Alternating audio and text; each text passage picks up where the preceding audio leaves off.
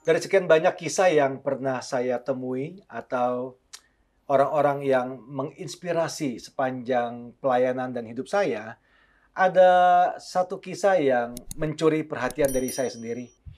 Bagaimana seseorang memulai hidupnya dari nol, nggak punya apa-apa, sampai bisa punya banyak dan dipercaya banyak. Bukan hanya materi, tapi juga mampu mengelola dan menjadi berkat buat banyak orang. Hari ini saya kedatangan salah seorang jemaat yang berjemaat atau bergereja di gereja kami di LGF Church Fluid. Perkenalkan namanya Willy dan ini istrinya Livi. Salam dong Liv. Kamu Hai. tegang banget. Iya. Eh, Ngomong-ngomong Livi baru pertama kali di depan kamera dari tadi udah udah ketakutan begitu. Eh, buat anak-anak muda yang seneng banget dengan motor, eh, motor dengan cc besar gitu ya, seperti Ninja dan sejenis, tentunya mungkin banyak yang tahu dengan eh, sebuah brand yang namanya KJV Motor. Dan Willy adalah owner dari brand tersebut.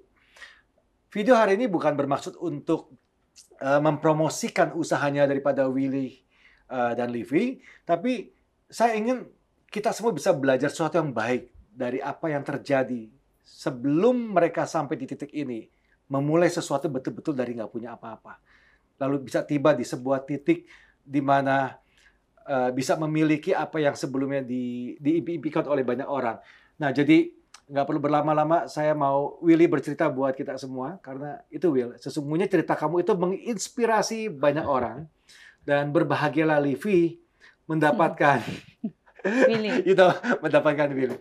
Tapi anyway kalian berdua eh, serasi banget ya. Iya. Udah menikah, punya anak tuh masih kayak ABG loh. Hmm. Gaya-gayanya masih kayak ABG. Udah dua lagi. Udah dua lagi anaknya betul. Iya. Dan yang saya senang dari Willy adalah eh, orang ini du- pastor kenal ketemu dia pertama kali mungkin 3 4 tahun lalu ya. di gereja ya. Di, di Iya. Usada atau itu Oh kapan? di sih? Usada Oh, iya, waktu iya, kakek iya. mau- waktu kakek kritis ya. Betul, betul. Mm-mm. Dan dan kamu dengan yang kamu yang dulu dengan kamu yang sekarang tuh nggak nggak nggak berubah. Ya begini aja ngomong tuh apa adanya, jujur, terbuka, Iya, nggak iya. dibuat-buat. Dan itu perlu ya orang punya Mm-mm. sikap seperti itu. Nah, Will, cerita dong.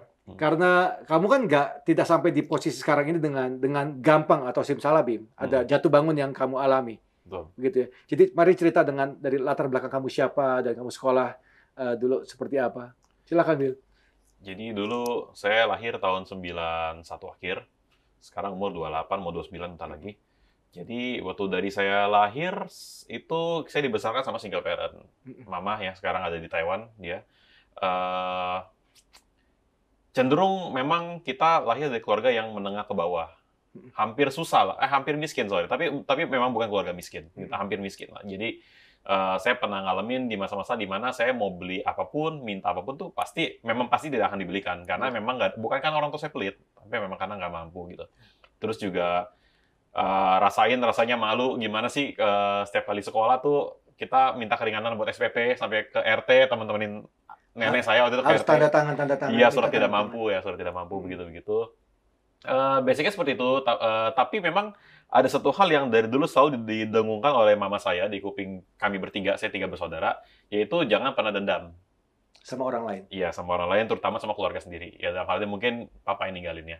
Jadi kita harus tetap harus tumbuh jadi orang-orang yang hatinya bersih gitu loh. Hatinya terus ber- harus orientasinya sebenar. Karena banyak juga be- di, man- di luar sana kalau saya lihat ya anak-anak yang single parent atau yang broken home, meskipun memang tidak tersirat dari kata-katanya, tapi sifatnya misalnya menunjukkan dia tuh dendam gitu, ada dendam di hatinya. Nah kita dari saya dari kecil tuh di- dipaksa, eh, sorry apa, didoktrin untuk tidak men- untuk tidak menendam. Itu yang mama tanamkan kepada anak-anak. Iya sampai sekarang bahkan sampai sekarang. Jangan dendam kepada orang lain, Iya. terutama kepada keluarga sendiri. Iya Hmm. betul. Karena memang kalau misalnya memang mau cari kambing hitam atau i- yang salah gitu ya, s- kami sangat menyalahkan papa gitu loh. Kok begini? Bahkan saya waktu bagi rapot gitu ya, Pastor. Kita pernah lah ya sekolah ya. Mm-mm. Bagi rapot itu kan momen dimana kita teman-teman atau di sini orang tua kita pada lagi Betul. sangat bangga sama orang tua kita yang ngambil Betul. kita rapor kan. Dan saya Betul. nggak pernah dapat itu. Jadi yang ngambilin saya rapot kalau nggak om saya, ya nenek saya. Ya, Selalu begitu tiap kali Amira. Iya, ya pasti dong. Kan karena mama waktu itu harus kerja ke Taiwan dia, singkat cerita. Karena kita udah benar-benar waktu itu udah sampai mentok banget, udah nggak tahu mau gimana.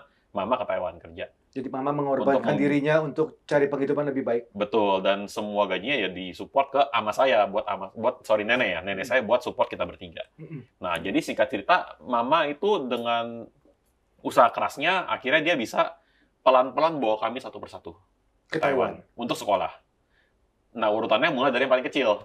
Dari adik saya yang cewek yang paling kecil sampai saya yang paling saya terakhir diangkat. Eh, sorry dibawa ke sana. Mm-mm. Tapi itu pun bukan dibawa atau tinggal sama dia. Jadi eh, kit- saya disuruh belajar dengan benar, harus jadi ranking sekian buat bisa dapat beasiswa. Karena kalau nggak dapat beasiswa, mama juga nggak mampu. Jadi harus dapat beasiswa. Akhirnya saya waktu itu juga belajar ya lumayan keras lah waktu SMA itu ya. Jadi waktu SD itu saya bukan murid bukan murid bagus lah. Saya ancur-ancuran lah sekolahnya. Asal sekolah datang main aja gitu. Hmm. Iya. SMP kurang lebih sama SMA mulai tobat. Dan kamu begitu, eh, kamu bilang sekolah juga asal-asalan mungkin karena hilangnya faktor papa kali di rumah. Yang memimpin, Ya, pasti menjaga, terpengaruh. mengarahkan anak-anak. Betul, Pak. ya karena karena kita dari kecil nggak ada figur kasih sayang. Hmm. Eh, nenek baik sama kita, tapi tentu nggak ini ya. Beda ya. Gimana ngomongnya? Ya, ya beda lah. Apalagi om, om, tante ada juga, cuman kan pada kerja mereka semua. Mm. Nggak ada yang jahat sih di rumah kita, semua baik. Cuman ya begitu, nggak ada figur itu nggak ada loh figur itu. Ya, figur papa yang memberikan legacy, tuntunan, visi itu nggak punya. Betul, makanya Hmm. sekarang saya s- sama kedua anak saya terbalik. Saya akan pastikan mereka dapat itu secara berlimpah-limpah dari Iya. saya. Saya Kamu akan pastikan. menutup apa yang tidak kamu dapatkan di masa lalu. Betul, karena kecenderungan orang bah- ma- malah melakukan hal yang sama kan. Saya pastikan saya tidak gitu loh. Kenapa saya begitu ya? Karena saya lihat papa saya. Iya. Makanya saya nggak mau begitu gitu. Ya. Nah, kamu bisa melakukan itu, Will, karena kamu pulih pada waktu kamu besar, kamu punya Hmm. anak, Hmm. maka makanya kamu bisa memutus kehilangan yang kamu terima di masa lampau tidak terjadi kepada anak-anak kamu. Hmm. Tapi kalau kamu tumbuh besar, kamu luka karena papa pergi, Iya. begitu kamu punya anak, kamu akan membalas kehilangan yang kamu Secara rasakan tidak sadar. tanpa sadar. Iya betul. Ngomong-ngomong, papa kemana? Boleh tahu? nggak? Apa saya juga eh, saya juga kurang tahu ya. Pasti di eh, di sini-sini sih kayaknya nggak sampai kayak ke hilang mana nggak sih. Dia masih karena saya masih dekat sama nenek saya yang dari papa. Mm-mm. Itu kita masih dekat. Jadi pe- kamu sampai hari ini nggak ketemu papa ada di mana? Kamu nggak tahu Ah, enggak, sampai hari ini. belum tahu ya. Oke, oke, oke. La- Lanjut kamu sekolah ke Taiwan. Terakhir kamu pergi ke Taiwan, kamu di- dikasih target untuk dapat Harus beasiswa. dapat. Kalau nggak kamu nggak bisa lanjut Karena kuliah. memang nggak ada biaya, bukan karena mama target gimana sih, dia harus dapat. Nah, kalau lu dapat, sisanya mami, mami bisa talangin nih gitu, mami bisa pinjam sana sini lah, Hmm. ini bisa dapat. Akhirnya dapat, saya sekolah di Taiwan itu diploma. Jadi kan habis SMA kan kuliah, Hmm. saya nggak ada sekolah bahasanya di tengah-tengah, sejenis diploma begitulah. Iya. Ini jurusannya bahasa dan sains. Hmm. Nah, saya masuk situ, dapat beasiswa. Jadi singkat cerita, kuliah di Taiwan sama kuliah di, waktu itu saya, pen- saya, saya cuma daftar di satu kampus, Ukrida. Jadi di Taiwan sama di Ukrida, murah di Taiwan. Jadi bukan berarti saya banyak duit terus ke Taiwan, enggak. Lebih murah daripada- daripada di Ukrida. biaya kuliahnya. iya semuanya. Dan di sana saya pasti wajib harus eh, takong. Takong itu kerja part time paruh waktu. Jadi waktu itu biaya kuliah saya sebenarnya hampir gratis. Karena selama dari Taiwan. ditutup dari biaya paruh waktu dan uang jajan saya pun dari paruh waktu itu Mm-mm. sendiri Mm-mm. gitu. Nah, jadi waktu itu akhirnya sebenarnya saya nggak terlalu mau ke Taiwan. Saya pikir di sini-sini juga oke lah gitu kan. Berteman sama teman-teman lah, kampus bareng kan, ngampus lah istilahnya. Di Taiwan itu kan kita beda suasananya gitu. Tapi karena faktor biaya tersebut akhirnya Kamu berangkat. Taiwan aja deh, ya gitu. Mm. Di sana sekolah diploma dan sains itu 2 tahun. Kamu ambil jurusan apa sih? Saya kuliahnya kimia akhirnya. Kuliahnya kimia. Kuliahnya kimia. Hmm. Sudah gitu eh, ambil 2 tahun ya full full time jadi saya di sekolah dari sekolah diploma itu aja saya udah kerja di Hmm. kerja di apa apa namanya puskesmas lah apa sih jadi lupa puskesmas Layanan layanan, kesehatan gitu. kayak begitu. kesehatan Pabrik. kerja di hmm? Pabrik. kerja di pabrik kerja di eh di kon- di- Se- Serabutan. bukan jadi di, Main. jadi kan misalnya ini gereja saya udah pernah kerja di jadi OB-nya jadi apa jadi apa semua saya kerjain di dalam sekolah itu semua aspeknya pun saya udah kerjain semua di perpus di mana Semua unit yang ada di dalam sekolah itu kamu kerja di sana. Iya, Dan iya. kamu dibayar dong. bayar buat bayar uang sekolah Oke. Iya betul betul. Nah Oke. udah gitu eh, terus udah gitu saya juga pernah ngalamin di sana saya pertama kali mulai rasain yang namanya kerja tuh capek banget karena saya pernah kerja juga dari jam 8 malam sampai jam 8 pagi. Sebentar. 8 malam sampai 8 pagi. Betul nggak salah. Kerja apa jam 8 malam sampai 8 Pabrik pagi? CD, Pabrik sini. pabrik CD. Kerjanya kebungkus begini-begini kayak robot nggak berhenti berhenti. 12 jam. 12 jam istirahatnya setengah jam setengah jam. Jadi 8 malam sampai 8 pagi. Iya. Terus kamu Istirahat kuliah. dua kali. Sambil waktu itu lagi liburan musim Oh, eh, dingin, liburan musim dingin. oke. Iya. Jadi ya semua lah. Dan saya juga mulai ngalamin tuh namanya tidur eh, saya juga pernah kerja di pemandian air panas, tidurnya tuh Di ba- apa pemandian air pemandian air panas, ya kan ada restorannya. Iya. Kerja di situ tidurnya tuh sampai semua tungau di sini saya sampai bertanda semua masuk ke mata. panas? Masa Bener. sih? Iya, pernah ngalamin itu semua. Saking joroknya berarti tempatnya. itu. Jorok tempatnya. Terus juga di pabrik itu saya sampai saya seumur hidup nggak pernah mimisan. Saya orang jarang sakit. Iya. Di sa- pas kerja jam 8 malam sampai 8 pagi itu saya mimisan akhirnya. Kerja ti- makan juga habis kerja makan roti satu ka- satu dua biji langsung tidur. Bangun lagi jam 6 sore kerja lagi. Nggak kebayang lah pokoknya. Itu saya pernah Itu, ngalamin. itu badan nggak rontok ya gitu? kerja? Rontok, rontok. Kan, Rontok dong. Dan baru, baru ngerti, oh ini namanya badan rontok begini. Karena dulu kan kita nggak ngerti. Masih kecil kan semangat, yang penting duit dapat Iya, gitu loh ya kan. iya. Gitu aja. Nah uangnya pun buat bayar kuliah. Selama di Taiwan, jadi hidup kamu juga malah lebih keras dibanding pada waktu di Jakarta. kan di Jakarta sih nggak kerja. Di Jakarta Iya. cuman kayak jadi guru bimbel, iseng-iseng, jualan hamster lah. betul, betul. Gitu. Jadi di sana kamu kerja jauh lebih keras oh iya, dibanding pada waktu kamu ada mulai di Jakarta. ngerti capek itu apa. Oke, Hmm. Iya betul. oke. Kuliah keganggu nggak kamu kul- kerja kayak begitu? Pas kuliah saya udah lepas semua pekerjaan saya, saya jadi guru i- bahasa Inggris. Kamu ngajar jadi guru bahasa Bimbel bahasa Inggris lebih tepatnya. Jadi sambil kuliah saya ngajarin orang-orang Taiwan saya ajarin bahasa Inggris. Kan Inggris saya eh, lumayan. Mm-mm. Hmm. Mm-mm. Jadi kamu jadi eh, translator di sana Bukan, bimbel. untuk bimbelnya, Bimbel. Jadi anak-anak kuliah, anak SMP, anak SMA. untuk be- belajar bahasa Inggris. Iya, jadi waktu itu saya akhirnya saya hitung-hitung waktu saya ngajar bimbel itu pun gaji saya udah lebih daripada gaji orang-orang Taiwan pada umumnya. Pendapatan saya ti- tiap bulan udah lebih daripada orang-orang Taiwan. Karena kan serabutan tapi capek kerjanya. Iya. iya. Dari sini ke sono, ke sono, ke sono, Iya. keliling-keliling. Iya. Secara penghasilan kamu punya dapat lumayan banyak Lebih dibanding gede, orang-orang yang seusia yang kerja seusia kamu. Iya, daripada lulusan kuliah daripada lulusan kuliah di Taiwan, saya gaji masih le- pendapatan sebulan tiap bulan masih lebih tinggi lah. Oke. Iya. Oke. Berapa tahun kamu jalani kehidupan seperti itu? Yang tadi diploma itu dua tahun, yang kuliah satu setengah tahun. Kuliahnya satu setengah satu setengah tahun. Satu setengah tahun. Cepat Will. Cepet. Langsung pulang tapi nggak bawa ijazah. Oh jadi drop out ya? Drop out ya betul. Drop out. Ke- Kenapa kamu drop out? Karena nggak bisa bagi waktu atau karena kamu Enggak. memang milih kerja? Karena atau- saya merasa kuliah nggak relevan sih buat faktor. Karena waktu itu kan faktor saya bukan kesuksesan, faktor saya adalah nyari duit. Beda loh nyari duit dan sukses itu sa- dua arti sangat berbeda. Jadi waktu itu saya faktor nyari duit, ini nggak ngaruh gitu loh. Kuliah nggak kuliah, duit tetap bisa masuk. Bahkan bisa lebih gede lagi. Jadi pada waktu itu kamu melihat bahwa karena kamu punya penghasilan yang cukup besar, kamu melihat kuliah itu nggak relevan Betul. dan kamu tinggalin kuliah itu. Tinggalin kuliah, tapi akhirnya pun kerjaan itu pun nggak saya lakuin. Karena saya akhirnya pulang. Karena merasa lebih ada lebih ada prospek di Indonesia lah gitu. Mama gimana? Mama, eh, Waktu kamu ber- berhenti kuliah? dia sempat kesel karena dia udah Ya dong, dia korban. bantu-bantu setengah-setengah kan juga dia udah bantu kan dari Hmm. saya awal di Taiwan sampai kuliah itu kan Hmm. lumayan banyak nyita harta dia juga ya maksudnya Iya. nyita biaya dia juga gitu Hmm. jadi dia sempat protes tapi dia tetap serahin ke saya dia bilang dia percaya sama saya saya pasti bisa eh, udah jadi anak udah jadi udah jadi lelaki lah katanya udah jadi pria lah kamu gitu katanya ya coba putusin sendiri aja gitu Dan kamu pulang balik ke Indonesia. pulang Nggak punya kerjaan juga dong. nggak punya tapi waktu itu pulang dengan referen sudah ada referensi kerja jadi translator atau jadi guru di PJTKI Oh, oke. TKW TKW yang mau ke Taiwan Iya, iya. saya ngajarin Kamu ngajarin mereka Iya. bahasa Taiwannya. bahasa Mandarin ya, Bahasa yang Mandarin. simple-simple lah daily Iya. conversation gitu. Iya. Jadi ker- saya tinggal di Jakarta Barat sama kakek nenek lagi, balik lagi ke mereka, kerjanya di Depok. Kerja di Depok, Will. Iya. Gaji cuma 2 juta kok, 2,3 gajinya. Memang nggak ada perusahaan TKW di dekat-dekat sini, Enggak, Jakarta kan waktu Barat. pulang kan dapat referensi kerjanya ke situ. Oh, Jadi masih buta sama sekali kita. nggak Kan? nyari dekat-dekat gereja, dekat-dekat Pluit situ. Waktu itu gereja juga bukan di Pluit lagi. Belum gereja di sini ya. Iya. Oke, jadi Jadi- kamu Jakarta Depok kamu ngajar Iya, tapi nggak lama kok itu cuma 4 bulanan doang. empat bulan. Mm. Berhenti. Berhenti. Berhenti, habis berhenti nggak lama saya eh, pindah ke bimbel di Paten Kapuk. Ngajar jadi guru Guru bimbel ini, guru anak-anak sekolah. eh, Mandarin. manda- ngajar Mandarin. Tapi akhirnya saya jadi guru paling komplit di sana. Karena saya bisa Mandarin, bisa Science, bisa Inggris, bisa Math. Bisa ngajar Jadi semua. semua semua dari dari SD sampai SMP. Karena Oke. kalau SMA itu science-nya rada berat. Oke, oke. Iya. Sampai Oke. SMP lah masih bisa Iya. ngajar. Berapa lama kamu jadi guru? Guru setahun dua bulan kayaknya. Nggak lama, nggak lama juga sih. Jadi kamu kerja sebentar, ganti, sebentar, Sebentar. sebentar Dan saya ganti, kerja sebentar, jadi ganti. guru paling lama, Profesor. Satu tahun dua bulan ya? tuh Satu kerja saya tahun paling, dua bulan itu paling, paling lama. lama saya kerja. Iya. Di luar itu semuanya nggak sampai. Nggak sampai. Kenapa? Saya orangnya demen sama suasana yang baru ya. Demen dengan suasana yang baru atau bosanan? Cari suasana baru. Ah, Hati-hati salah jawab.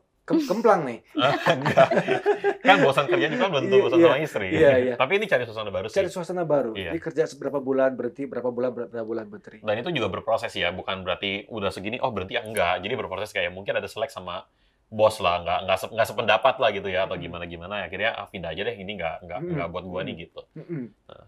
Dari guru les, Kerja di Pulau Gadung, pabrik mesin dari Cina. Karena kalau orang beli mesin dari Cina kan misalnya dibeli sama perusahaan obat-obatan, dibeli sama perusahaan pencetakan. Mm-mm. Kalau mesinnya bermasalah, teknisnya kan datang langsung dari Cina. betul. Nah, saya jadi translator antara teknisi dan kepala gudangnya. Oke. Hmm. Tetap eh, bahasa Mandarin yang kamu dapat itu tetap kepake jadi Kepake- kemana-mana ya. Kepake betul. Dan itu tapi akhirnya judulnya kan kayaknya seperti itu, tapi akhirnya ditaruh di kantor. Karena nggak Gimana setiap sorry? akhirnya ditaruh di kantor karena nggak setiap kali ada teknisi. Eh sorry nggak setiap kali ada kerusakan. Oh, Oke. Jadi mungkin saya kerja sana tiga bulan. Saya full ke pabrik itu paling cuma dua mingguan kali ya. Selebihnya di kantor. Saya nggak mau kerja di kantor. Bosen dong di kantor, Bosen, iya. Akhirnya pindah lagi nyari kerjaan lagi nggak dapat dapat. Nah di situ saya Sejak mau- dari situ. betul di situ saya mulai rasain namanya jadi serabut. Jadi pengangguran. Tahun berapa tuh? Wil? Wah, 2000 Itu kita udah kenal belum sih? Oh, udah, itu udah, udah 11, pacaran. 2000. 16, Kita jadian 15, ya? kan kapan sih? 11, 12, 13, 14, Jadiannya 13. 2013. Pacaran 2013. Tanggal 11 bulan 12, tanggal 13 jam 11 14. Desember 2013. Iya. Sebentar lagi pacaran itu Jam ya. 2 siang. Jam Jam dua, 2 lewat 14. Oh, 15. Oke. Jam 2 15. Jadi 11 12 Iya. 11 13 14 Desember 11 12 tahun 2013. 15. Jam 4 jam 14 15. Jadi 11 12 13 14 15. Bisa Iya. begitu ya. Iya. Kalian hebat tuh.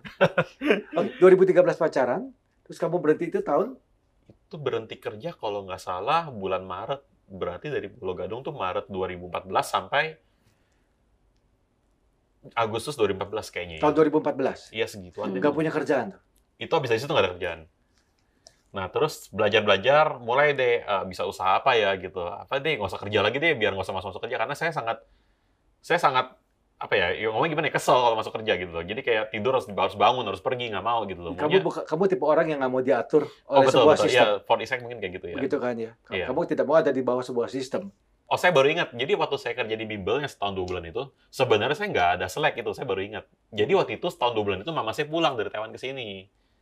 Mama pulang seminggu doang. Saya minta izin full satu minggu, nggak dikasih, cuma dikasih dua hari.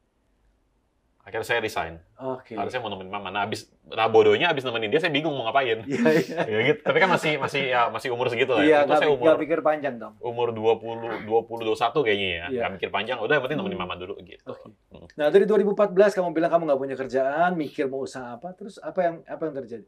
Eh, dia punya koko dan cici usaha susu, Raja Susu namanya. Mungkin yang dengar bisa Raja banyak- Raja Susu. ya? Raja, Raja Susu. Susu. Raja Susu itu merek susu atau Eh, Nama- nama toko Oh, nama tokonya Iya, Nama Raja Susu? Hmm. distributor lah. Mereka jadi pengecer lah, Oke. jadi Hmm. pengecer. Nah, sekarang udah 30 cabang ya. Mm-mm. Jadi eh, dari Ya. Iya. situ saya terinspirasi lah dari koko ip- dari calon koko ipar saya gitu. Ya. loh. Ini kayak bisa jalan ya. Akhirnya saya jadi trader susu. ikut bisnis susu. Jadi cari sumber barangnya di mana, lepas kecil-kecilan ke toko-toko dengan uang yang saya punya lah. Mm-mm. Mm, Nggak, nggak pakai motor diikat-ikat susunya di Ya. bawah gitu, panas-panasan kayak gitu lah. Iya, iya. Berapa, berapa lama kamu jalani bisnis itu? L- lama itu, mau setahun dua tahunan ya. Karena Hampir saya dua di tahun. motor itu kan mulai 2015 awal. Itu mulai eh eh kok berapa sih? 14 akhir atau 15 awal lah gitu. Itu mulai di motor. Iya. Sebelum di motor ya saya itu kerjaan. Hampir dua tahun eh, j- bisnis susu. Iya betul dan itu kan gak lama rumahnya kakek laku kan. Akhirnya dia pakai buat kebutuhan-kebutuhan dia, ada sisa spare sedikit. Kita buka toko susu dan kita puterin di motor 1 sampai 2 unit motor lah Dan- awal-awal. Dan, itu yang, men- yang menjadi cikal bakal Cikal kamu bakal, bisnis betul. motor sampai sekarang yang Betul, betul, yang betul, yang yang, yang, eh, stabil di sana ya. Betul, betul, betul. Oke, waktu pertama kali kamu eh, mulai bisnis motor, kenapa bisa kepikiran motor, Will? Nggak kepikiran, suka aja. Nggak ada target bakal punya showroom apa nggak ada nggak ada. Hmm. Jadi Kamu suka aja. kamu suka memang suka naiknya, modelnya atau kamu suka jual beli? saya orangnya dulu banyak gaya, Oke. jujur aja banyak gaya. Jadi kalau bawa tuh ya sebenarnya nggak saya mungkin banyak cowok begitu kali ya. Kalau bawa Rata-rata motor lah, ya iya. bangga kan. Kan naik bebek sama naik ninja beda dong. Ya betul. Nah saya sangat Beda. saya sangat menjunjung tinggi itu dulu. Iya, nah, itu normal. Iya. Perempuan normal pun bisa lihat antara naik bebek dengan naik ninja ma- eh, mana lebih keren bisa lihat. Iya kayak gitu lah. Nah jadi eh, saya suka beli akhirnya. Saya uang saya kurang. Waktu itu saya uang saya jujur ya di dompet saya ingat tuh cuma ada 20 jutaan. Saya pinjam kakek 20 juta karena motornya harga 40 jutaan gitu. 40 juta motor baru waktu itu dong berarti. Oh enggak dong bekas dong. iya. Second. Bekas dong bekas. Ya. Sama kakek dikasih jual dan puji Tuhan rugi. Wah. Diomelin. Enggak, sebentar. Kamu motor pertama yang kamu beli rugi? Rugi. Waktu kamu beli buat kamu pakai atau buat memang kamu mau jual beli? Jual beli judulnya. Ngomongnya Kamu- mau jual beli. Kamu ke pengen kakek. dagang motor. Bilangnya kakek, oh, gue mau jual beli bisa Iya. untung nih gitu Iya. bilangnya. Jadi kamu mau dagang motor, pinjam duit pertama sama ya, beli motor pertama, pinjam Hmm. uangnya kakek. Mm. Begitu dijual rugi. Rugi. Kenapa? Eh, terlalu nafsu aja. Jadi Oke. merasa suka nih belinya mahal gitu. Akhirnya pas jual rugi gitu. Iya. Ya nafsu aja nafsu lah. Iya. gitu. Heeh. Jadi udah gitu eh, diomelin, Mm-mm. udah selesai. Berapa minggu kemudian ngajuin lagi. Yang ini nggak mungkin rugi nih. Ini pasti bisa nih. Eh benar terbukti gitu loh. Akhirnya ada yang runtung. Yang kedua untung. Selang ketiga empat lima mungkin ada rugi lagi tapi nggak banyak lah rugi lagi. Eh tapi ntar untung lagi. Hmm. Akhirnya menurut di, kakek oh bisa nih jalan gitu. Ya udah Hmm. Mm-mm. dari situ mulai. Dan itu bis- eh, jalan terus sampai sekarang. Mm. Sampai sekarang. Oke. Eh, Livi, Iya. ceritanya Willy ini kan naik turun ya, Mm-mm. seperti roller coaster sebetulnya. Iya. Tapi kayaknya nggak roller coaster sih, karena banyak Hmm. banget di bawahnya ya. Mm-mm. Nyungsepnya tuh banyak banget. Em, ba- bagaimana kamu bisa eh, selama mendampingi Willy dari pacaran sampai hari ini? Apa yang kamu lihat dari seorang Willy? Hmm, jadi waktu awal pacaran sih nggak gitu, belum cinta ya, masih suka-suka aja. Nah, Itu kan dalam kondisi susah kan kalian jadi. iya waktu baru pacaran, ah, Willy karena nggak punya apa-apa kan ya? iya nggak punya apa-apa, Ah, karena Punya ah. waktu itu punya utang kartu kredit. waktu itu sebelum ketemu Willy itu aku berdoa, karena ya ma- aku masih berdoa lah ya. Aku Heeh. bilang Tuhan, aku mau dapat pacar ya masih teenager gitu ya, doanya ya asal ngomong aja gitu. Usia Tuhan, 18. berapa kamu? 18 Iya, kamu doa nih? iya. Mau punya pacar? Iya, teenager. Aku, iya. Aku mau punya pacar yang bisa bahasa Inggris, bahasa Mandarin, entrepreneur gitu ceritanya. Aku berdoa begitu. Tapi kamu nggak bilang, tapi sukses gitu. Ya entrepreneur. Oh, entrepreneur. Iya, maksud tapi di dalam pikiranku nggak nggak jadi entrepreneur gitu. Nggak, Iya. maksudnya aku ngomongnya tuh suami. Iya. Doanya itu Tuhan saya mau punya suami nanti begini-begini ya gitu. Mm-mm. Nah, terus tiba-tiba ya ada Willy gitu. Ternyata Willy bisa bahasa Mandarin. Terus aku bilang, "Oh, dia bisa bahasa Mandarin ya." Wah, doa saya dijawab satu iya. gitu ya. Iya. "Oh, dia bisa bahasa Inggris ya." Dua deh, dua Iya, masuk. tapi entrepreneurnya belum, Iya. pendetanya juga belum, sekarang juga belum Eh, sih. Oh, kamu juga memasukkan syarat Iya. entrepreneur aku- dan pendeta. Iya. Selamat datang Willy. Hati-hati doa istri ya, bahaya itu. Iya, udah gitu. Awalnya cuman kenal aja sih, belum belum naruh perasaan cinta gitu, masih suka-suka aja. Tapi ada satu momen dia memberi dari kekurangan dia sih, karena mami pernah ngomong, "Eh, jangan cari cowok yang kaya, dia bilang, cari yang sayang sama kamu, Hmm. dia Iya, bilang. kalau dia sayang sama kamu, nanti apapun dia lakuin buat kamu, kata mama saya seperti Mm-mm. itu. Tapi kalau yang kaya belum tentu. Kalau yang kaya belum tentu dia bilang. Karena banyak pilihannya kan. Iya, dia bilang eh ya begitulah intinya. Terus akhirnya saya ketemu Willy. Nah, Willy waktu kita nggak ada duit, dia jual dia punya PSP buat makan gitu. Buat kita makan, dia jual. Berarti Buat saya kalian bilang, berdua. Iya. Sebab oh ini orang memberi dalam kekurangan banget ya gitu. Saya lebih menghargai Willy punya uang 100 ribu. Tapi dia eh, patungan sama saya makan 50 ribu. Mm-mm. Dia memberi dalam hal itu daripada dia kas, eh, dia punya uang satu juta, dia beliin saya tas 100 ribu lebih Mm-mm. mahal. Tapi saya lebih menghargai itu gitu. Karena dia memberi dari Iya. kelebihannya dia. Iya, dia sekarang dia memberi dari kekurangan dia. Itu yang buat saya pikir, oh ini orang bisa bikin gua bahagia gitu. Mm-mm. Akhirnya ya udah, saya temenin dia eh, sebar brosur lah, Sebar Ah. brosur apa? les-lesan. Oh, les-lesan. Jadi Kalian sampai sebar-sebar brosur begitu. kan- Iya, Iya. memang kita susahnya bareng-bareng gitu. Sebar di mana? Di jalanan, Fotonya di kayaknya ada, ntar kompleks. saya kirim ke Mister fotonya. ya. Oh, iya, nanti pasang. Fotonya. Untuk kita bisa upload ya. Nggak, kalian nyebar di jalanan, di kompleks atau di mana? Komplek-komplek, Ja- Jalan perumahan. dia nggak kaki berani, gitu. Wester. Dia nggak berani sebar. Saya yang ibu ini yang les gitu. Walaupun Waduh. Oke. Oke, Se- terus terus. se- ah. Sereceh itu. Iya, sereceh itu. Iya, iya. Terus juga saya temenin dia naik mobil box, eh, ambil susu, naik motor juga kita. Saya bawa mobil. Eh, dia dulu belum ada mobil, Mm-mm. tapi saya mama saya fasilitasi mobil. Jadi mobil saya terus yang kepake. Iya, iya. Kalau cek motor, jadi kita berdua. Saya cek, kalau oke saya bawa pulang motornya, dia bawa pulang Iya. mobilnya. Jadi kamu ini memang eh, eh, Livi sudah sudah nemenin Willy tuh betul-betul dari nol, Iya, dia mulai bisnis Iya. sampai seperti sekarang. iya. heeh.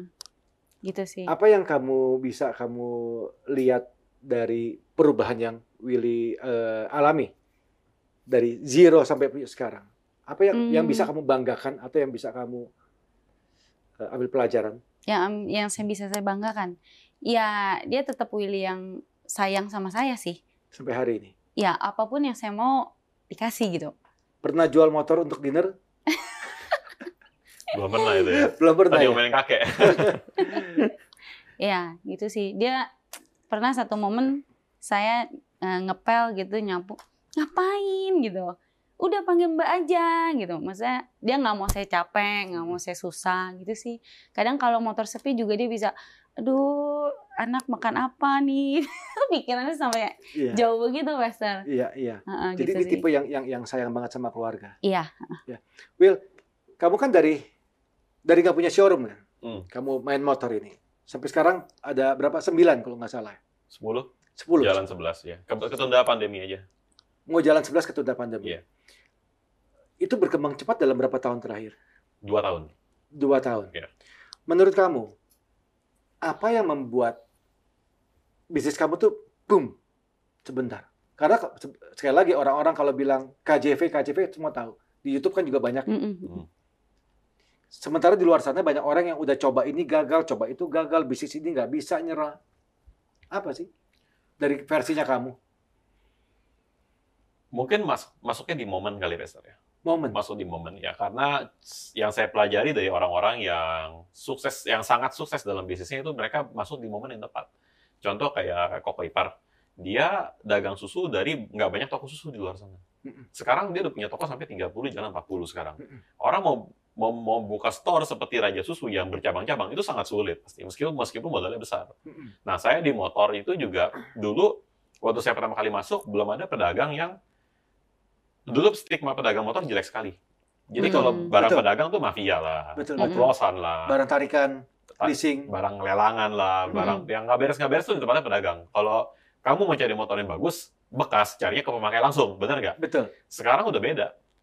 Karena kita kasih tagline dari dagangan kita, kalau misalnya kilometernya setan atau mesinnya oplos-oplosan, uang nggak balik 100%. Kamu Saya kasih balikin garansi full. gitu. Saya kasih garansi sampai sekarang. Dan itu Bahkan membuat sekarang orang- garansinya 110%. Dulu 100%, sekarang 110%. Karena Kan saya jamin nggak akan ada kejadian seperti itu. Jadi kamu kasih garansi untuk orang-orang yang yang beli mot- yang beli eh, di tempat kamu itu semua barang aman. Pasti. Nah, maksudnya gini, momentum apa yang kamu dapatkan se- sebelum kamu bisa besar seperti sekarang? Mungkin media sosial ya. Sosial media. Sosial media dan ta- ya, tentunya, tapi pasti saya yakin ilham dan berkat itu dari Tuhan datangnya. Karena saya merasa kalau saya sebagai manusia yang kayak begini, tiba-tiba dari serabutan seperti itu dan langsung bisa menghandle perusahaan sebesar KJV ini, kayaknya kalau tanpa campur tangan Tuhan mustahil deh kayaknya. Nah, Hmm. Mana seperti- mungkin. campur tangan Tuhan seperti apa Tapi yang sosial kamu ya, alami? eh, mungkin penjelasan gampangnya campur tangan Tuhan untuk memberi saya ilham melalui sosial media kayaknya sih. Mm-mm.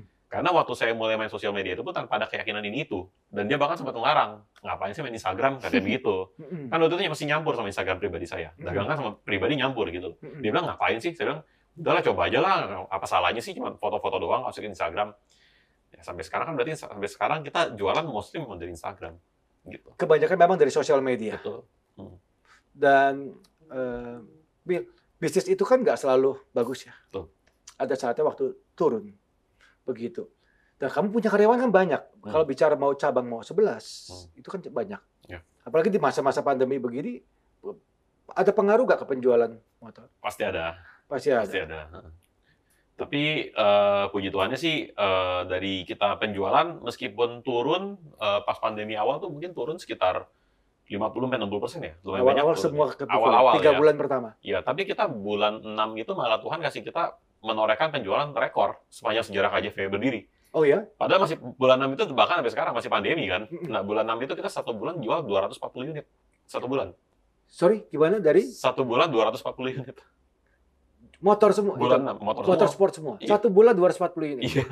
Satu bulan. Iya. Eh, itu bulan 6. Tapi sekarang cenderung eh, stagnan lagi ya. Sudah Sekarang mulai stagnan lagi. slow down lagi. Slow down lagi ya, stagnan. Tapi nggak turun ya, stagnan Iya, aja iya, gitu. Ya iya. begitu aja gitu. Iya. Nah, Hmm. jadi eh saya percaya sih melalui KJV ini banyak orang diberkati lah gitu. Dari tenaga kerja kita, dari keluarga saya, Karena kamu maintain mereka sangat-sangat bagus ya. Hmm, Semua karyawan iya, kamu kamu iya, kamu maintain betul. bagus sekali. Hmm, Dan karena KJV ini kan sifatnya masih milik sendiri, Mm-mm. jadi eh, saya fokusnya semua titik titik beratnya di saya gitu. Jadi saya harus bisa memberkati banyak orang. Iya. Gitu. Hmm. eh, kamu ambil keputusan yang terbaik untuk orang-orang di sekitar kamu. Betul. Jadi meskipun penjualan menurun ya bagaimanapun ya saya harus tetap support eh, orang-orang yang bekerja sama Iya. saya gitu. Mm. Livi. Iya. Bisa nggak cerita kalau bicara faktor yang sudah Tuhan kerjakan untuk Willy bisa ada se- seperti sekarang tuh apa? Mm-mm. faktor yang Banyak orang nih Heeh. lagi zaman begini ya ikut Tuhan ikut Tuhan tapi ya susah mau apa apa juga nggak bisa. Mm-mm. Nah, kalau dari yang kamu alami itu apa? bagaimana? Hmm. ya Tuhan sayang kita sih Ya itu, Itu sih. jawaban jawaban umum. S- eh, Tuhan sayang kita semua, kamu, Jangan terlalu Willy umum. dan saya. Ya. Spesifiknya, Seberapa spesifik. seberapa penting faktor Tuhan eh, untuk di dalam hidup kalian berdua, pernikahan maupun bisnis yang Ah, Oke. dunia sekarang? Oh, Oke. Ya memang penting banget sih. Memang kita apa-apa semua, apalagi saya juga gitu ya. Kalau eh, s- saya kan penopang ya. Jadi kalau misalkan eh, Willy kayaknya lagi down gitu, saya bisa bilang jangan begitu. Kita, ya saya support dia lah. Saya bilang tuh kamu tenang aja. Dia bilang, saya selalu bilang Tuhan itu sayang sama saya anak-anak. Mm-mm. Pasti kamu akan diberkati dengan luar biasa gitu. Mm-mm. Uh, dan kamu juga jangan pokoknya serahin ke Tuhan aja semua. Saya Mm-mm. selalu bilang begitu sama Mm-mm. dia gitu. Jadi ya adalah momen-momen namanya masih mas- manusia ya. Mm-mm. Ya ada momen-momen dia uh, down, ada momen-momen juga bisa naik begitu Mm-mm. kan. Dia punya emosi, dia punya bukan emosi lah. Apa sih saya perasaan ya? Mood. Mood, Mm-mm. mood ya dia punya mood Mm-mm. gitu. Jadi ya saya memang support dia sih. Kamu support full ya? Ya. dan lewat perkataan juga saya selalu support dia saya nggak pernah jatuhin dia gitu maksudnya dia misalkan dia mau melakukan sesuatu saya selalu bilang "Eh, ya kamu bisa kok bahkan sejak pacaran pun saya udah eh, tanam dia Mm-mm. saya udah bilang kamu bakal jadi orang sukses gitu Mm-mm. dari pacaran saya udah tanam dia Hmm. jadi Mm-mm. memang saya di samping dia itu eh, menanamkan mindset yang bagus-bagus buat dia jadi ya lebih ke positive impact kali ya Jadi kamu betul-betul hadir sebagai pendamping dan penolong bagi Willy Iya. dalam dalam dalam kehidupan kalian berdua. iya gitu sih Nah, Will sendiri, kalau menurut kamu apa faktor faktor Tuhan yang Tuhan kerjakan dalam kehidupan kamu? Eh, kayaknya sih Tuhan bekerjanya itu lebih dari dalam ya kalau saya lihat ya, bukan dari luar. Jadi dia mungkin menanam, Tuhan menanamkan hati yang benar sih dalam prinsip berbisnis saya gitu loh. Eh, saya berbisnis meskipun kadang eh, gimana ya ngomongnya kita kan bisnis kadang suka mut-mutan ya. Kadang kita bisa layani orang dengan baik, kadang bisa bisa ada yang miss Iya. gitu loh. Kadang kita sama eh, rekanan bisnis bisa ada mungkin bisa ada selek, bisa Hmm. juga ada yang akur gitu kan tapi saya punya hati dan motivasi bisnis yang menurut saya sih eh, clean. Kenapa clean? Karena saya nggak se- nggak pernah bisa yang namanya nipu orang. Saya nggak pernah bisa yang namanya ngutang sama orang. Itu saya nggak bisa. Saya nggak pernah bisa yang namanya bohongin orang, jeblosin orang gitu loh. Kayak suruh dia beli barang busuk lah, suruh Hmm. dia buat misalnya percaya nih percayain ke gua terus saya bawa kabur dulu atau gimana ya, yang kayak gitu-gitu lah. Itu saya nggak bisa. Meskipun saya banyak digituin sama orang. Iya. Iya benar. Nah, jadi eh saya rasa justru campur tangan Tuhan dalam bisnis saya itu dari hati saya dia Tuhan kasih saya pure dalam hal berbisnis ini. Kamu Pure dalam arti menuai bukan apa berarti- yang- kamu menuai apa yang kamu tabur selama ini, kurang lebih begitu maksudnya? Jadi maksudnya adalah saya menunjukkan kepada orang-orang hadirat apa ya campur tangan Tuhan dalam hidup saya melalui bisnis saya. Bagaimana caranya? Ya dengan cara tadi saya bisnis selalu nggak pernah nipu orang, saya nggak pernah bohongin Kamu orang. saya nggak pernah- menunjukkan bahwa kamu ini adalah anak Tuhan yang berbisnis, di mana orang bisa Iya. melihat Tuhan lewat cara bisnis Meskipun saya. memang dalam prakteknya saya mungkin berbuat kesalahan, bukan kesalahan dalam hal tadi, maksudnya kesalahan kayak mungkin sesekali saya pernah lah mungkin sama customer, mungkin ya waktu dulu kan saya sering ngelainin sendiri. Kayak itu kan kadang kan mungkin lagi mungkin mood lagi jelek, orang telepon misalnya lah ya, Hmm. mungkin saya agak jawabnya to the point banget atau mungkin agak jutek gitu. Itu, itu kita nggak lagi bahas yang itu lah. Tapi eh, pada basically arah tujuan bisnis saya tuh lurus gitu. Saya orang nggak neko-neko. Pokoknya kalau ini bisa rugiin orang saya nggak mau. Kalau ini nipu orang saya nggak mau. Kalau Ya. ini ngutang-ngutang saya nggak mau. Begitu loh. Pokoknya saya lurus aja Ya. pokoknya. Nggak Dan- nggak dan- macam-macam gitu. Dan memang itu yang Pastor dengar soal image KJV di luar sana. Bahwa Hmm. itu memang terdengar dan dan dibicarakan oleh banyak orang kalau bicara soal komitmen dan kejujuran itu, itu yang kamu ucapkan. Betul, bahkan eh, jujur meskipun memang tidak diekspos, tapi di KJP yang beli yang komplain ada nggak Pesar? Ya pasti ada yang komplain gitu. Hmm. A- Ada, cuman kita nggak ekspos itu. Ta- Karena gini, saya kasih contoh satu. Dulu saya pernah dapet customer beli motor di kita, garansi kita kan sebenarnya cuma sat- eh, dulu garansi kita cuma seminggu. Dia sudah beli selama tiga minggu, mesin motornya jebol. Akhirnya dia udah bawa pulang, s- ya udah, akhirnya dia bawa ke bengkel, ternyata kena rantai ketang, eh, habis kalau nggak salah sampai ke seharnya dia waktu itu kena. Sampai, jadi kalau rantai ketang murah, dia kena sampai sehar tiga setengah juta, ya kita transfer. Ada yang baru beli motor tiga, tiga hari, akinya mati, kita transfer biaya akinya. Tapi memang saya nggak ekspos itu, karena kalau kita ekspos, saya takutnya orang pikir, oh ini waktunya banyak yang mati. Padahal kan enggak, itu jarang sekali terjadi gitu. Jadi saya nggak mau expose itu. Tapi pokoknya dari yang udah beli aja yang ngerasain gitu loh. Jadi eh, Hmm. kita dagang ya lurus gitu loh. Tapi Selama- orang kan bisa nakal sama kamu dong. Betul, maksudnya. baru saya mau ngomong, selama komplainnya benar. Ada juga komplain yang nggak benar, Pesta. Ada yang aneh-aneh komplainnya, kadang misalnya udah beli motor, beli seminggu dibawa pulang, komplain, eh kok ini di bawah tangki ada lecet ada lecet titik ya? Ya kita mana tahu, itu kan fisik di luar sifatnya. Iya. Kamu udah cek Iya. sendiri, udah Iya. lihat sendiri, dan Iya. kita pun nggak mungkin ingat ini dari kita ada lecet atau tidak Iya. gitu. Ada juga yang, oh ini di bawah ekornya kok ada ada baret satu senti ya?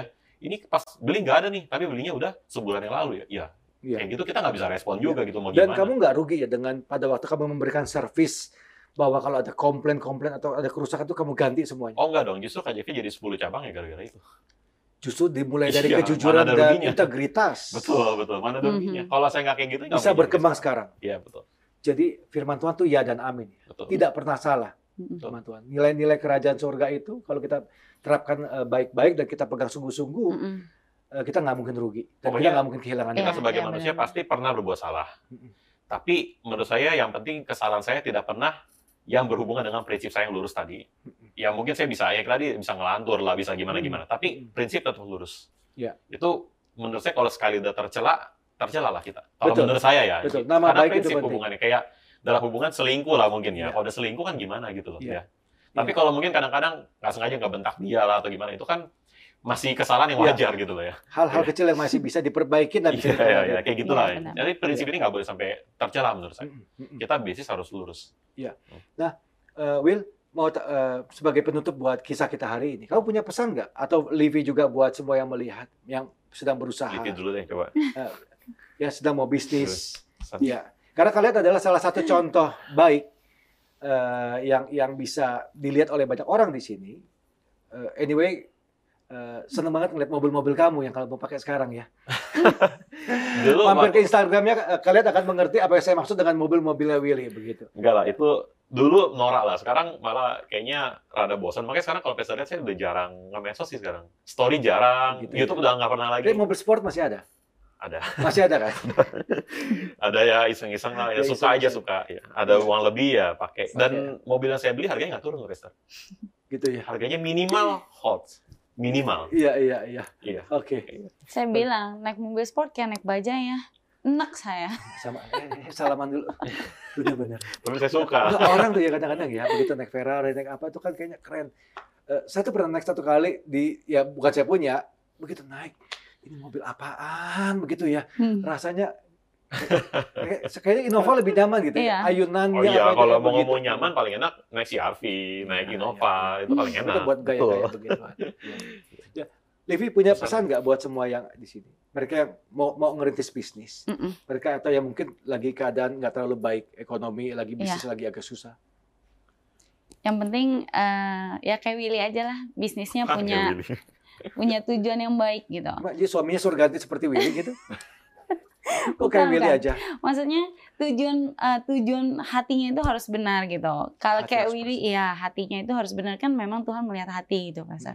Jadi kalau tujuan hatinya benar ya pasti eh, Tuhan akan buka jalan, buka jalan, buka jalan terus. dan itu kamu lihat sendiri dengan mata kepala kamu sendiri gitu. Iya, karena memang waktu dulu eh, ada satu perkataan Willy eh, yang saya ingat, saya nggak mungkin jual motor jelek karena orang yang beli sama saya itu udah nabung sekian lama. Sekali dia beli barangnya dibohongin, dia Iya. bilang. mana mungkin saya tega ada ada perkataan. Walaupun tampangnya kayaknya kurang baik ya jutek gitu ya, tapi sebenarnya hatinya Iya. Jutek tuh mana? selembut Iya. salju. Enggak lah, biasa aja. memang istri yang baik harus begitu ya Hmm. harus ngomong mem- memuji suaminya Biasa aja sih. Will kamu gimana pesan buat semua di sini Pesannya. Eh, bakal sama sih pesan saya. Jadi semua balik ke hati sih pesannya. Semua bener balik ke hati. Saya Kalau juga hati pernah kita bersih kita juga nggak akan susah buat jujur ya Betul, saya pernah waktu itu lagi pas pandemi saya lagi nggak ada kerjaan, saya iseng-iseng buka eh, kelas mentoring. Kelas mentoring saya itu rada beda sama yang lain. Jadi saya malah mentor yang bisnis, saya bagi jadi dua sesi. Satu hati, satu baru kerjaannya. Maksudnya eh, praktek lapangannya seperti apa? Yang pertama saya bahas hatinya dulu gitu. Kenapa saya bahas begitu? Eh, tapi jangan tanya sekarang ya, karena sekarang kita udah nggak sibuk, udah sibuk, udah nggak sempat buka kelas-kelas gitu Iya. lagi. Pas pandemi saya pernah buka gitu loh. Nah, saya bahas hati kenapa? Karena itu yang saya praktekin gitu. loh. Yang yang benar-benar terjadi ya itu. Ya karena dari hati semua yang bisa nentuin kita bakal sukses atau enggak. Kita bakal dipercaya orang atau enggak. Hmm. Kita Dari bakal hati bisa- semuanya. Kita bakal bisa punya customer atau tidak Mm-mm. gitu loh. Nah, kayak sekarang pun sebenarnya saya juga udah jarang story, jarang buat di YouTube karena saya juga punya berbagai prospek yang lain. Saya lagi mau terjun di ekspor sama komoditi, jujur aja Mm-mm. itu pun yang saya terapkan sama gitu loh. Jadi eh, apapun bidang bisnisnya orang mau bisnis apa motor lah, tadi ekspor lah, impor lah, komoditi lah, pertanian apa dan lain, itu sebenarnya selama hati kita benar, Hmm. kerjainnya tulus, siap capek tentunya ya, Iya. siap capek, ya lakuin aja. Itu Iya. pasti jalannya ada Hasil aja. akan datang dengan sendirinya. Betul, karena kayak kemarin kita baru dua minggu lalu nih kita. Kita ada info tentang scrap kayak kayak apa ya besi tua yang dijual gitu lah. Kita dari Jakarta jam 10 ke Cikampek, dari Cikampek ke Serang, dari Serang ke Jakarta lagi. Kita lakuin itu. Pulang hasil nihil nggak ada apa-apa. Serius nih baru dua minggu lalu kita lakuin. Ya tapi kita happy happy aja gitu karena Mm-mm. kita pernah mengalami ini di motor. Iya. Saya pernah naik ojek, cek motor, nggak ada motor, nggak ada mobil, naik ojek, cek motornya. Janjian orang di toko bagus waktu itu kan. Mm-mm. Janjian, oke harga segini ya deal ya. Naik ojek saya ceknya. Iya. Ada yang jadi, ada yang nggak jadi, ya udah happy-happy aja. Mau gimana, itu resiko kerjaan gitu. Nah, tapi banyak orang yang nggak siap, Pester, untuk menanggung resiko itu. Gak cap capek. Iya, nggak Mm. siap-siap. Sebenarnya itulah terkadang nggak siap capek dan hatinya nggak benar, motivasi dirinya nggak benar. Hmm, Ada orang yang mau sukses karena untuk membuktikan kepada kepada keluarganya dia bisa. Tapi pembuktian ini negatif artinya. Hmm, Jadi dia, saya pernah dapat teman dia disombongin mobil lah. Jadi dia punya tetangga atau siapa punya mobil baru. Oh, gue juga bisa nih, biar gue bisa beli mobil lebih bagus dari dia. Jadi kerja keras Itu untuk sih- dapatkan mobil. Itu sih bagus sih, cuman saya lihatnya nggak bener ya motivasinya ya. Untuk menyombongkan balik gitu loh. Hmm, Iya. Ngapain kayak begitu? Iya, iya. Tapi kalau saya jujur, saya kerja, kita punya tujuan bersama, kita eh, jadi gini, setiap kali kita doa, tujuan kita tuh bukannya Tuhan, kita pengen sukses nih Tuhan, kita pengen kaya, enggak. Tapi selalu doa kita yang malam adalah kita, Tuhan kasih dong kita, biar kita bisa memberkati banyak orang.